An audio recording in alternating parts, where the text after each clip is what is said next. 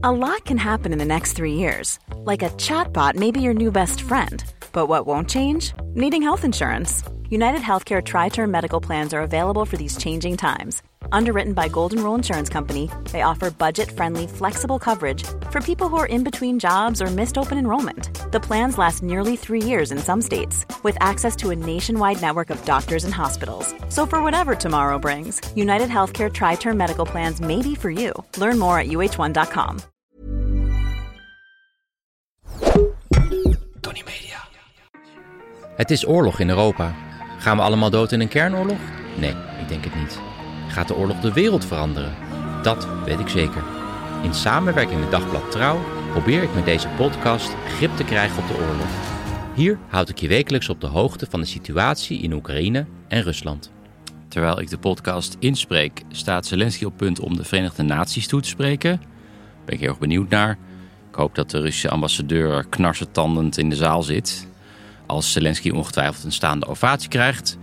Verder had ik het vorige week over het niet goed functioneren van uh, vliegtuigen in Rusland. En ik had het over flaps. Dat zijn dan zeg maar die kleppen op de vleugel die uh, altijd zo veel lawaai maken bij het opstijgen en bij het landen. En ik vroeg me af of daar een Nederlands woord voor was. En luisteraar Wessel Groenewegen stuurde mij hierover een berichtje. Want het Nederlandse woord voor flap is het prachtige woord welvingsklep. Welvingsklep. Heerlijk woord. Dit is wat er gebeurde in week 30 van de oorlog. Ja, met het sluiten van de deadline voor de podcast zie ik uh, ja, verontrustende berichten uit Nagorno-Karabakh. Dat is de Armeense enclave. Um, die, ik heb het al vaak over gehad. En de toegangsweg tot die enclave die wordt al maanden geblokkeerd door de Azeris, door Azerbeidzjan. En volgens laatste berichten wordt de hoofdstad Stepanakert op dit moment gebombardeerd. Ik zag ook filmpjes van ja, kolonnes uh, met militairen die oprukken naar de uh, enclave. Schijnlijk dat de communicatie op dit moment onmogelijk is uit, uh, uit Nagorno-Karabakh. Dus dat klinkt niet goed allemaal. Dan Oekraïne. Om te beginnen bij het slagveld in het zuiden, waar de Oekraïners proberen de zee van Azov te bereiken. Dat doen ze al eigenlijk sinds begin van juni. Dus zeg maar in de richting van Robotine en verboven zijn weinig ontwikkelingen. Er is geval weinig bekend uit dat gebied. In de richting Bakhmut, dus meer in de richting van het oosten, zijn er wel ontwikkelingen. Daar hebben de Oekraïners de dorpen Andriivka en Klishivka ingenomen. Die dorpen zelf stellen niet heel veel voor, er wonen een paar honderd mensen. Maar het zijn wel strategisch gelegen dorpen. Ze liggen heel erg hoog. En Oekraïne zou hiermee nu vuurcontrole hebben op de snelweg van Horlivka naar Bakhmut. Waardoor het voor de Russen lastig wordt om in de winter uh, te bevoorraden. En ook weten we deze week beter waarom de Oekraïners vorige week die booreilanden in de Zwarte Zee hadden ingenomen. En eerder ook een aanval hadden uitgevoerd met commando's op de Krim. Want het lijkt erop dat de luchtverdediging niet op orde is op de Krim. Uh, afgelopen week voerde Oekraïne een enorme aanval uit op de haven van Sevastopol. Dat is het hoofdkwartier van de Russische Zwarte Zeevloot. Doel daar waren twee schepen die op de werf lagen voor reparaties. Het ging om een landingsschip en een onderzeeër en die werden door raketten getroffen. Waarschijnlijk zijn dat Storm Shadows, die zijn geleverd door de Britten.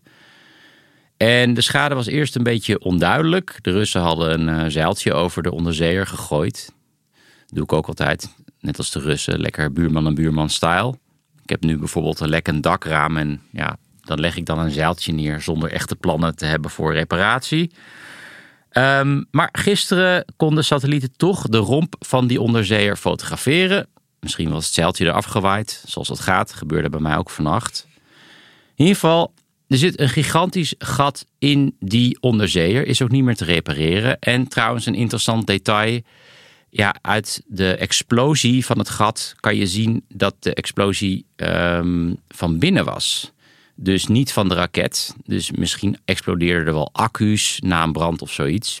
In het verlies van die onderzeeër is een groot probleem voor de Russen. Want dit is een van de vier onderzeeërs die raketten afvuren de hele tijd op Oekraïne. Dus dat wordt voor de Russen lastiger. En ja, het blijft vooral natuurlijk bizar dat de luchtverdediging van de Russen kennelijk zo beroerd is dat Oekraïne in staat is om het hart van de Zwarte Zeevloot te raken. En ja, de Russen kunnen helemaal niks terug doen. Want dat is natuurlijk het nadeel als je al meer dan anderhalf jaar raketten neer laat regenen op een land. Um, je kan niet verder escaleren. Vandaag bijvoorbeeld werd een trolleybus in Kharkiv geraakt. Daar viel een dode. Gisteren in Lviv viel ook al een dode. Dus ja, er valt verder niks te escaleren. En de Russen moeten gewoon toezien hoe hun vloot tot zinken wordt gebracht. Waarschijnlijk trouwens deze week ook een patrouilleschip, de Sergei Katov, is ook tot zinken gebracht. En dit is denk ik iets wat dit najaar vast vaker zal gebeuren. Gaan we door naar de Russische media.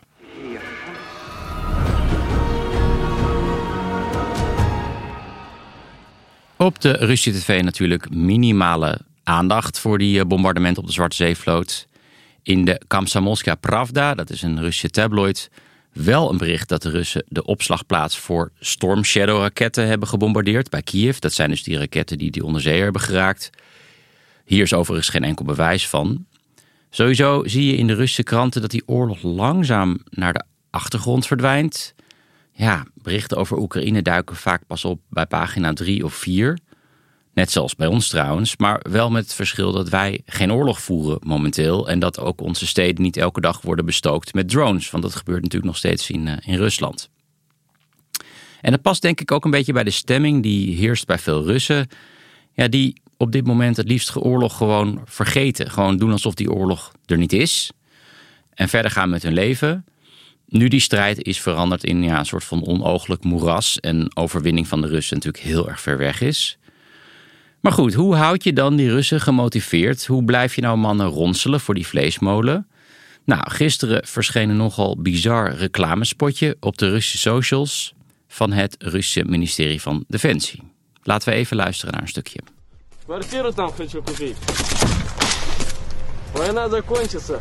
Киев вернем, семью туда перевезу. Ja, je hoort hier twee Russische soldaten. Ze rennen in dat spotje door een loopgraaf. En kennelijk zitten de Oekraïners vlakbij, want af en toe schieten ze ook terwijl ze rennen. En ondanks ja, die toch best wel spannende situatie zijn ze in staat om een gesprek te voeren over onroerend goed. Want de een wil wel een appartement in Kiev als de oorlog voorbij is. En de ander zegt: Ik ga liever naar Odessa, ik hou van de zee. Nou ja, hiermee gooit het Kremlin weer alles over een andere boeg. Eerst was het de dreiging van de NAVO. Daarna waren het de nazi's die eh, Russen uitmoorden in de Donbass. En nu is het gewoon ouderwetse imperiale oorlog. Gewoon ja, land van iemand anders afpakken, zodat je dan in een appartementje kan zitten in eh, Odessa. Voor de liefhebber, ik zal nog even een linkje zetten in de show notes naar het filmpje. Verder op de Insider, een Russische journalistieke site, een interessant interview met Margot Grosberg. Dat is het hoofd van de militaire inlichtingendienst in Estland. Margot is overigens een mannennaam in Estland kennelijk, want nou het gaat over een man. En hij vertelt daarover de belangrijke rol van Estland in de eerste dagen van de oorlog. Want het waren die Esten die vliegtuigen zagen opstijgen net over de grens bij Pskov. Daar zit een grote Russische luchtmachtbasis. En die vliegtuigen zaten vol met elite-eenheden die als taak hadden om dat regeringscentrum in Kiev in te nemen. En die zouden dan landen op Hostomel vliegveld, vlakbij Kiev. Maar die Oekraïners waren al ingelicht door Estland en die maakten toen de landingsbaan onklaar. En ja, de oorlog was natuurlijk heel, heel anders gelopen als ze wel hadden kunnen landen daar. Ja, dan had er misschien wel nu een Rus eh, in een appartementje in Odessa gezeten. En hij geeft ook trouwens een hele eerlijke inschatting van de Russen. Hij zegt dat je de Russen niet moet onderschatten, dat ze van hun fouten hebben geleerd en dat ze niet meer zulke stupide beslissingen nemen als aan het begin van de oorlog. Het is echt het lezen waard. Uh, het interview is in het Engels en ik zal een link in de show notes zetten. Oké, en dan nog even dit. Ja, een van de treurigste plekken waar ik ooit ben geweest, en geloof me, ik ben op heel veel terug plekken geweest, is een monument ter nagedachtenis aan slachtoffers van een gulagkamp in Kazachstan. Ja, dat monument staat midden op een ja, eindeloze eentonige steppen. En toen we daar filmden was het min 15 en stond er een keiharde wind. Dus ja, sowieso een plek om zelfmoordneigingen te krijgen. Laat staan dat je daar ook nog in een kamp zit. En dat kamp werd in 1934 geopend onder de naam Karlachkamp nummer 17 voor echtgenotes van landverraders.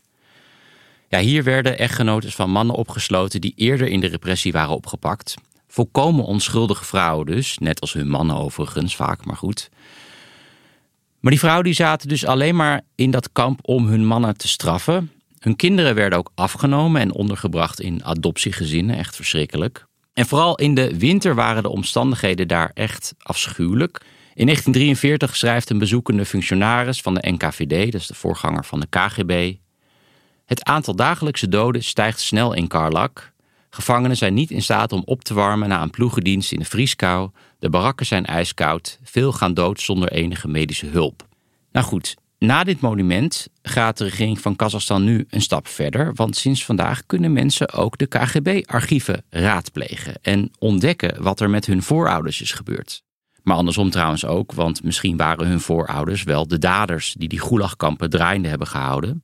Dit zal allemaal leiden tot heel veel verdriet en, en woede, maar uiteindelijk zal het Kazachstan helpen om rekenschap af te leggen aan het verleden en ook zo vooruit te kunnen. En tegelijkertijd werd in Moskou een standbeeld onthuld voor Felix Dzerzhinsky. Het is trouwens een bronzen beeld en dat vind ik wel een gemiste kans, want zijn bijnaam was IJzeren Felix. En die Dzerzhinsky die was de oprichter van de geheime dienst in de Sovjet-Unie, dus wat later de KGB zou worden.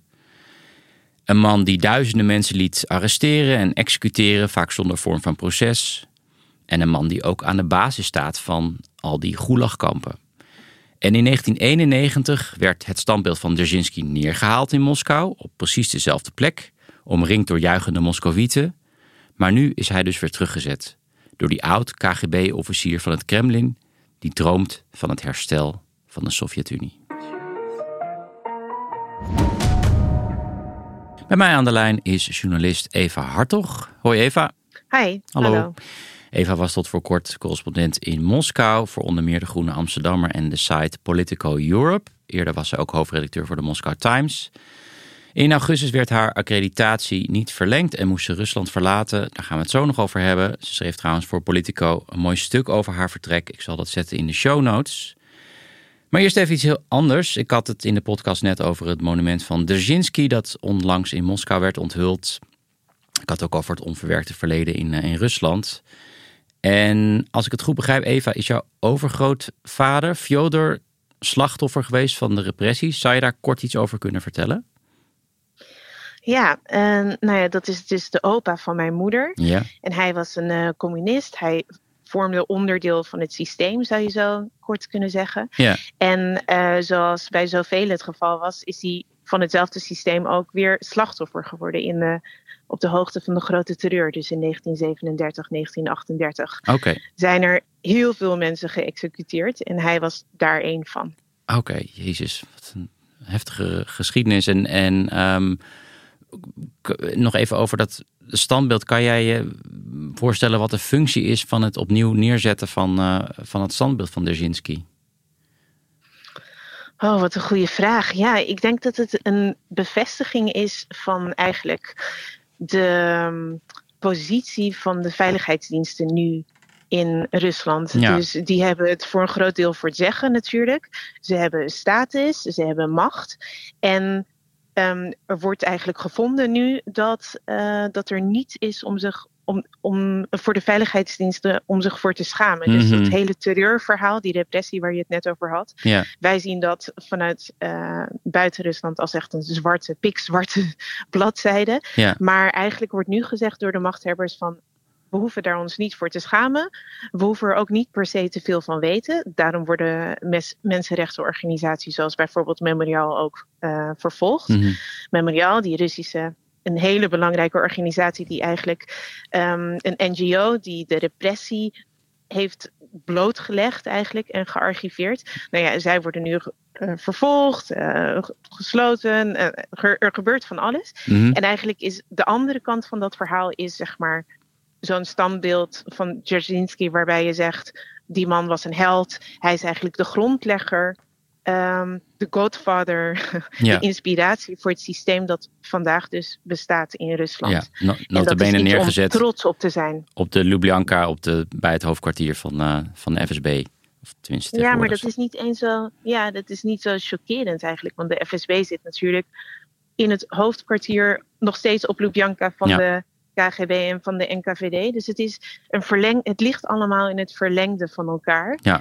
En, um, en je kan een parallel trekken, trekken, maar het Rusland van vandaag is natuurlijk niet de Sovjet-Unie. Maar de mensen die aan de macht zijn, denken graag van wel. Ja. En dat zegt al genoeg. Ja, ja, duidelijk. Eva, we gaan het hebben over je correspondentschap. Um, ja, langzaam werd, de, de, ja, werd het steeds scherper aangepakt. Uh, de correspondenten in, uh, in Moskou in 2022 werd een nieuwe regel geïntroduceerd. Uh, daar schrijf je ook over in je stuk. Dat je voor je accreditatie moest je ook een röntgenfoto laten maken. En je vingerafdrukken werden afgenomen. En je had ook een, een sessie met een psychiater. Die was verplicht. Heb je dat gehad? Wat hield dat in vredesnaam in? ja, nou ja, dit is. Dit ik kan me er heel weinig bij voorstellen, namelijk. Oh ja, nou ja, ik ook. Ja. Um, het was een regel die is, of is een regel die is toegepast voor alle buitenlanders. Dus niet specifiek voor journalisten.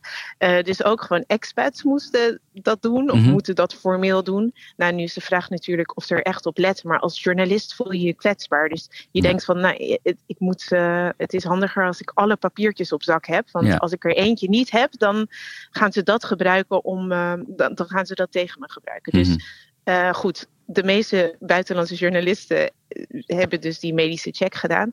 En uh, dan loop je langs een, uh, in dit geval, in mijn geval was het een lange gang met allemaal verschillende kamertjes. En al die mensen moet je lang, in elk kamertje zit een specialist. Wow. en je moet alle kamertjes langs. En in een van die kamertjes zit inderdaad een psychiater. En die gaat dan jouw mentale welzijn uh, ja, even peilen. En in mijn geval was dat, het was nog tijdens net uh, na COVID volgens mij. En ik had een mondkapje op met een uh, schilderij van Van Gogh erop. Dat vond ik wel grappig, om wat kleur in het hele verhaal te brengen. En hij zag dat, die man, en hij begon gelijk over Van Gogh. En zei van, oh, dat schilderij wat je nu op je mondkapje hebt, hangt boven mijn bed. Oh, maar niet zo van waarom Van Gogh? Want dat, die man heeft zijn oor afgesneden. Dit is verdacht. Of was ja, dat niet? Nee, ja, ik, eh, precies. Dus toen hebben we een best wel lang gesprek gevoerd over het impressionisme. Nou, Dit klinkt heel elitair.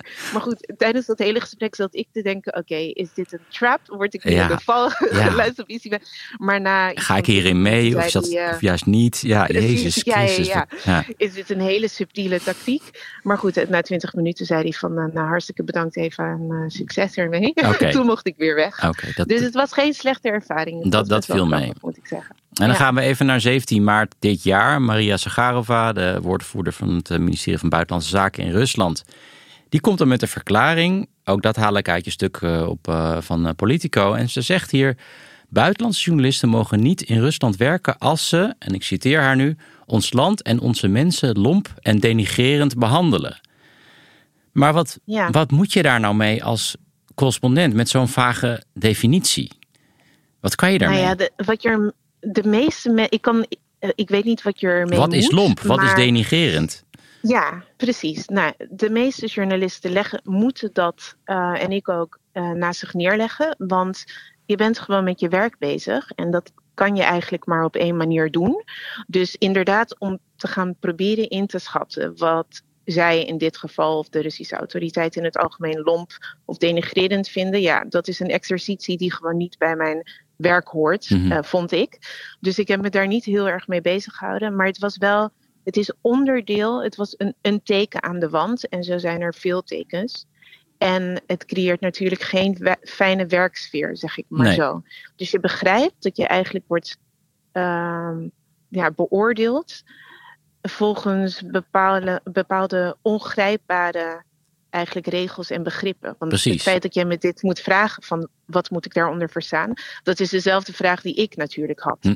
En dat is geen fijn systeem om uh, in te werken, omdat je dan inderdaad de hele tijd met de vraag zou zitten, zou moeten zitten van mag dit wel, mag dit niet. En dat is ook de bedoeling van zo'n uitspraak, om gewoon te intimideren. Dat is wat het is. Eigenlijk is het gewoon een, een, een, ze proberen maar daarmee te dwingen om journalisten zelf, zichzelf te censureren. Zoals veel Russische journalisten zichzelf ook censureren, toch? 100 procent. Ja. 100 procent. Um, ja. Een week daarna wordt Ivan Gershkovich uh, gearresteerd. Ik heb het vaak genoeg over hem gehad in de podcast. Luisteraars kennen hem. Hij is trouwens vanmiddag voorgeleid opnieuw. Precies. Um, ja. Heb jij na die arrestatie van Evan uh, zelf getwijfeld om uit Rusland te vertrekken? Nee, ik zou liegen als ik daarop uh, nee zou zeggen. Mhm. Uh, dus ik ga me niet heel stoer voordoen. Mhm. Evan is, ken ik goed. Hij heeft voor mij gewerkt bij de Moscow Times. Dus dat maakt het nog persoonlijker. Het is sowieso verschrikkelijk, maar het maakt het natuurlijk nog persoonlijker als je iemand kent. Ja. En in dit geval, hij is de eerste persoon die ik echt goed ken, die op deze manier in de gevangenis is beland. En of je het wil of niet, dat maakt wel een verschil. En je zei net inderdaad, uh, dank dat je dat zei, dat er vandaag weer een zitting was. Dus Mm. op dat soort momenten zien we hem weer even. Ja. En het is heel wat anders om iemand die je goed kent, om een vriend van je in zo'n glazen kooi te zien. Ik moet dan elke keer echt weer even bijkomen Ja, snap uh, ik. en slikken. Want het is heel heftig. En Ja. los daarvan, puur uh, los van het persoonlijke verhaal, is dit de eerste keer sinds de Koude Oorlog dat, um, dat er een buitenlandse journalist op deze manier wordt gearresteerd. En niet alleen. Ik denk dat wij in de, in de, onder de buitenlandse journalisten wel het gevoel hadden van, nou, er kan iets gaan gebeuren op een gegeven moment met Ja. een van ons.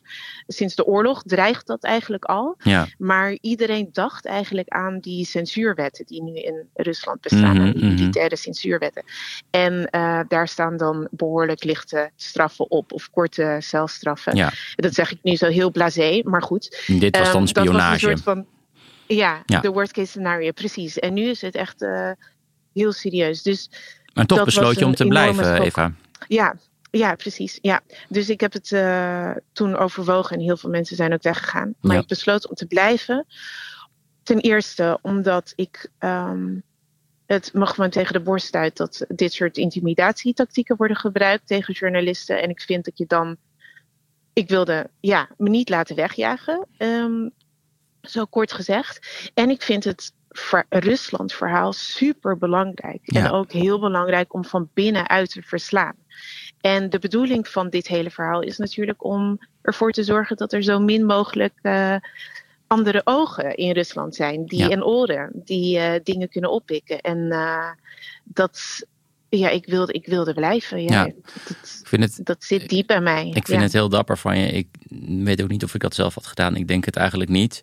Um, Hmm. We gaan in ieder geval een paar maanden vooruit. Het is augustus en jij krijgt het bericht dat je accreditatie niet wordt verlengd. Een paar dagen daarvoor doe je verslag van de rechtszaak, uh, rechtszaak tussen aanhalingstekens, uh, van uh, Navalny. Is Ja. er een verband, denk je, tussen jouw aanwezigheid bij die rechtszaak en die accreditatie? Ik weet het niet. En ik denk ook dat niemand dat uh, weet van buitenaf. We kunnen gewoon niet in het systeem kijken. Maar mijn gevoel zegt van niet. Ik denk dat het een combinatie van factoren is geweest. En dat dat soort dingen uh, hebben niet meegeholpen, laat ik het zo zeggen. Want ik ben niet alleen bij Navalny geweest. Ik ben natuurlijk ook bij Evan geweest. En bij de zaak tegen Vladimir Karamurza. En ik heb mijn werk gedaan. Ja. en deze dagen bestaat dat helaas vaak uit het uh, verslaan van rechtszaken. Hm. En ik vond het dan belangrijk om daar ook persoonlijk bij te zijn, omdat je dat een gevoel geeft voor de sfeer en zo. En er Hm. ook mensen komen opdagen met wie je dan kan praten. En dat Ja. is ook handig. Dus um, ik denk dat. Ja, ik denk dat het een combinatie is geweest van mijn stukken, mijn houding, Ja. best wel kritische houding, um, mijn Je, lange na- geschiedenis. je nationaliteit misschien ook, je Nederlandse achtergrond.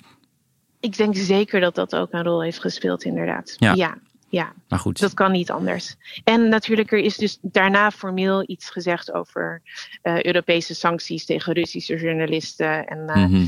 Bla bla bla. Dat niemand verbaasd moet zijn dat dit gebeurt met een Nederlandse journalist, aangezien Russische journalisten in de EU gepest worden of zoiets. Mhm. Dat heeft het uh, Russische ministerie van Buitenlandse Zaken gezegd. Maar goed, dat is de, zeg maar, de formele reden.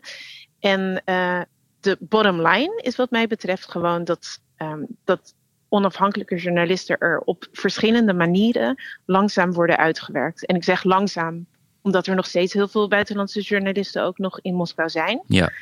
Dus, maar er wordt van alles gedaan, waaronder dus ook de, de arrestatie van Evan en Ja. nu dit met mijn papieren, om, nou ja, om uh, van ons eigenlijk, om van ons af te komen. Ja. En dat, uh, ja, ja. Um, en het komt erop neer dat je nu in Nederland zit. Tegen je zin Ja. in dus. Ja. Uh, in, Ja. Ineens. Ik bedoel, je had gewoon in je hoofd... Ik ben correspondent in Moskou. Het lijkt me... Ik probeer me gewoon voor te stellen hoe het voor jou is. Dat je ineens in het toch lichtelijk, lichtelijk saaie Nederland zit. Uh, terwijl jij ja, waanzinnig belangrijk werk daar deed in Rusland. Wat ga je, wat ga je doen? Heb, heb je al een idee? Ja, dat, nee. Nee, snap Als ik. ik heel eerlijk ben, heb ik geen idee. Nee. Maar wel de intentie om mijn werk te blijven doen. Want Mhm. nogmaals, ook al is het dan niet vanuit Rusland, maar ik, ja, als ik me niet liet wegjagen door de arrestatie van Evan, vind ik dit ook. Ik, ik wil niet dat het lukt, zeg Ja, maar. Dus ja. ik wil zo lang mogelijk mijn werk eh, blijven doen. En natuurlijk, omdat ik daar tien jaar gewoond heb, ken ik ook heel veel mensen. En ik hoop dat dat een soort van momentum, dat dat nog een beetje doorwerkt. Dat ik Ja. daarop kan teren. Maar op een gegeven moment, eh, realistisch gezien, is dat ook gewoon voorbij natuurlijk. En het is, ik moet wel zeggen. Het Wat bedoel je met dat het, dat het realistisch gezien voorbij is? Dat je, dat je dan te lang weg bent uit Rusland? Of? Ja, Ja. dat je het gevoel verliest. Ja, En dat heb ik al e- één keer eerder meegemaakt, vorig jaar. eh, toen ik eh, nou ja, een half jaar in Georgië woonde na het uitbreken van de oorlog. Ja. En je kan, helaas, hè, dat zeg ik helaas, want, maar je kan elke dag het nieuws volgen vanuit Rusland. En toch verbaasd zijn als je daar weer bent. Het Ja. is toch anders als je daar dag in dag, dag uit bent en met mensen praat. Ja. Dus ik, ik wil mezelf niet. eh, Want jij hebt eigenlijk dat beeld van Rusland in je hoofd. Van het Rusland dat mm, zo, zoals het eruit zag toen je vertrok. Maar er gebeurt zoveel in Rusland dat dat met de dag bijna verandert. Dus dan op een gegeven moment verlies je je feeling misschien met dat land. Precies, vooral dat tweede. Dus het Ja. gaat niet eens om heel veel gebeurtenissen of zo, maar gewoon de sfeer, eh, de sfeer proeven. En als er dan weer zo'n drone-aanval is geweest, bijvoorbeeld, of eh Prigozhin is op weg naar Moskou, dan helpt het gewoon als je je deur uit kan stappen, de straat op en merkt dat alles precies zo is zoals gisteren. Ja. keer op keer. En dat, ehm, de- nou, je, je begrijpt wat ik bedoel, toch? Ja. Dat is, ja, zeker. dat zijn een soort van ontastbare, ongrijpbare dingen die, eh, Ja, die gewoon het. in de lucht hangen. Ja. ja. Nog een laatste vraag. Eva, zie je jezelf nog teruggaan naar Rusland met accreditatie onder Poetin? Eh, vanuit mij of vanuit het Kremlin? Vanuit het Kremlin. de- Vanuit jou weet ik het Oh. wel, maar zie je, dat, zie, je, zie je dat nog goed komen op de een of andere manier? Zie je jezelf nog daar Nee. werken? Nee, ik zie het niet goed komen vanuit, eh, vanuit de Moskouse kant, zeg maar. Nee. Eh, omdat anders hadden ze dit niet gedaan. Nee. Ten eerste en ook het feit, het, het belangrijkste vergrijp eh, wat ik nu bega, is erover te praten. Dus om die transparantie, daar houden ze helemaal niet van in. Moskou. Dus nou ja, dan kan je het wel vergeten. Want Ja. dan, ik, heb, ik heb hun nu beledigd door bijvoorbeeld dit gesprek te voeren met jou. Ja, Dus ehm, nee, ik, ik hoop op niets eigenlijk. Dat is mijn in- instelling. En eh, als het toch anders uitpakt, dan ben ik blij verrast. Ja, ja, je, gaf, je, Ja. je gaf dus net al aan ehm, ja, hoe- hoeveel eh, schade dit gesprek dan mogelijk voor jezelf op kan leveren. Dus ik, ik waardeer het echt dat jij eh, in gesprek wilde gaan. En ik hoop echt dat je kan blijven schrijven op, over Rusland op de een of andere manier. En nou ja, laten we ook hopen dat je misschien verslag kan doen vanuit Rusland in een eh, post- post-Poetin tijdperk. Eh Eva, Dankjewel. Eva Hartog, dankjewel. Dank je Jelle, dank. Dit was het voor deze week. Er zijn nog een paar kaarten te krijgen voor de try-out van het theatercollege van Ruben Terlouw en ik. Eh, dat is in de OBA in Amsterdam op 4 oktober. Ik zet een link in de show notes. Volgende week heb ik Tommy Wieringa in de podcast.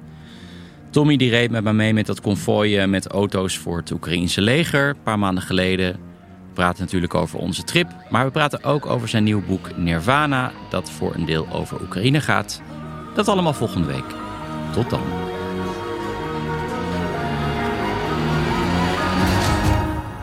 Dit was een productie van Tony Media en Dagblad Trouw. Voor meer verdieping ga naar trouw.nl. Even when we're on a budget, we still deserve nice things. Quince is a place to scoop up stunning high-end goods for 50 to 80% less than similar brands. They have buttery soft cashmere sweaters starting at $50, luxurious Italian leather bags, and so much more. Plus, Quince only works with factories that use safe, ethical, and responsible manufacturing. Get the high-end goods you'll love without the high price tag with Quince. Go to quince.com slash style for free shipping and 365-day returns.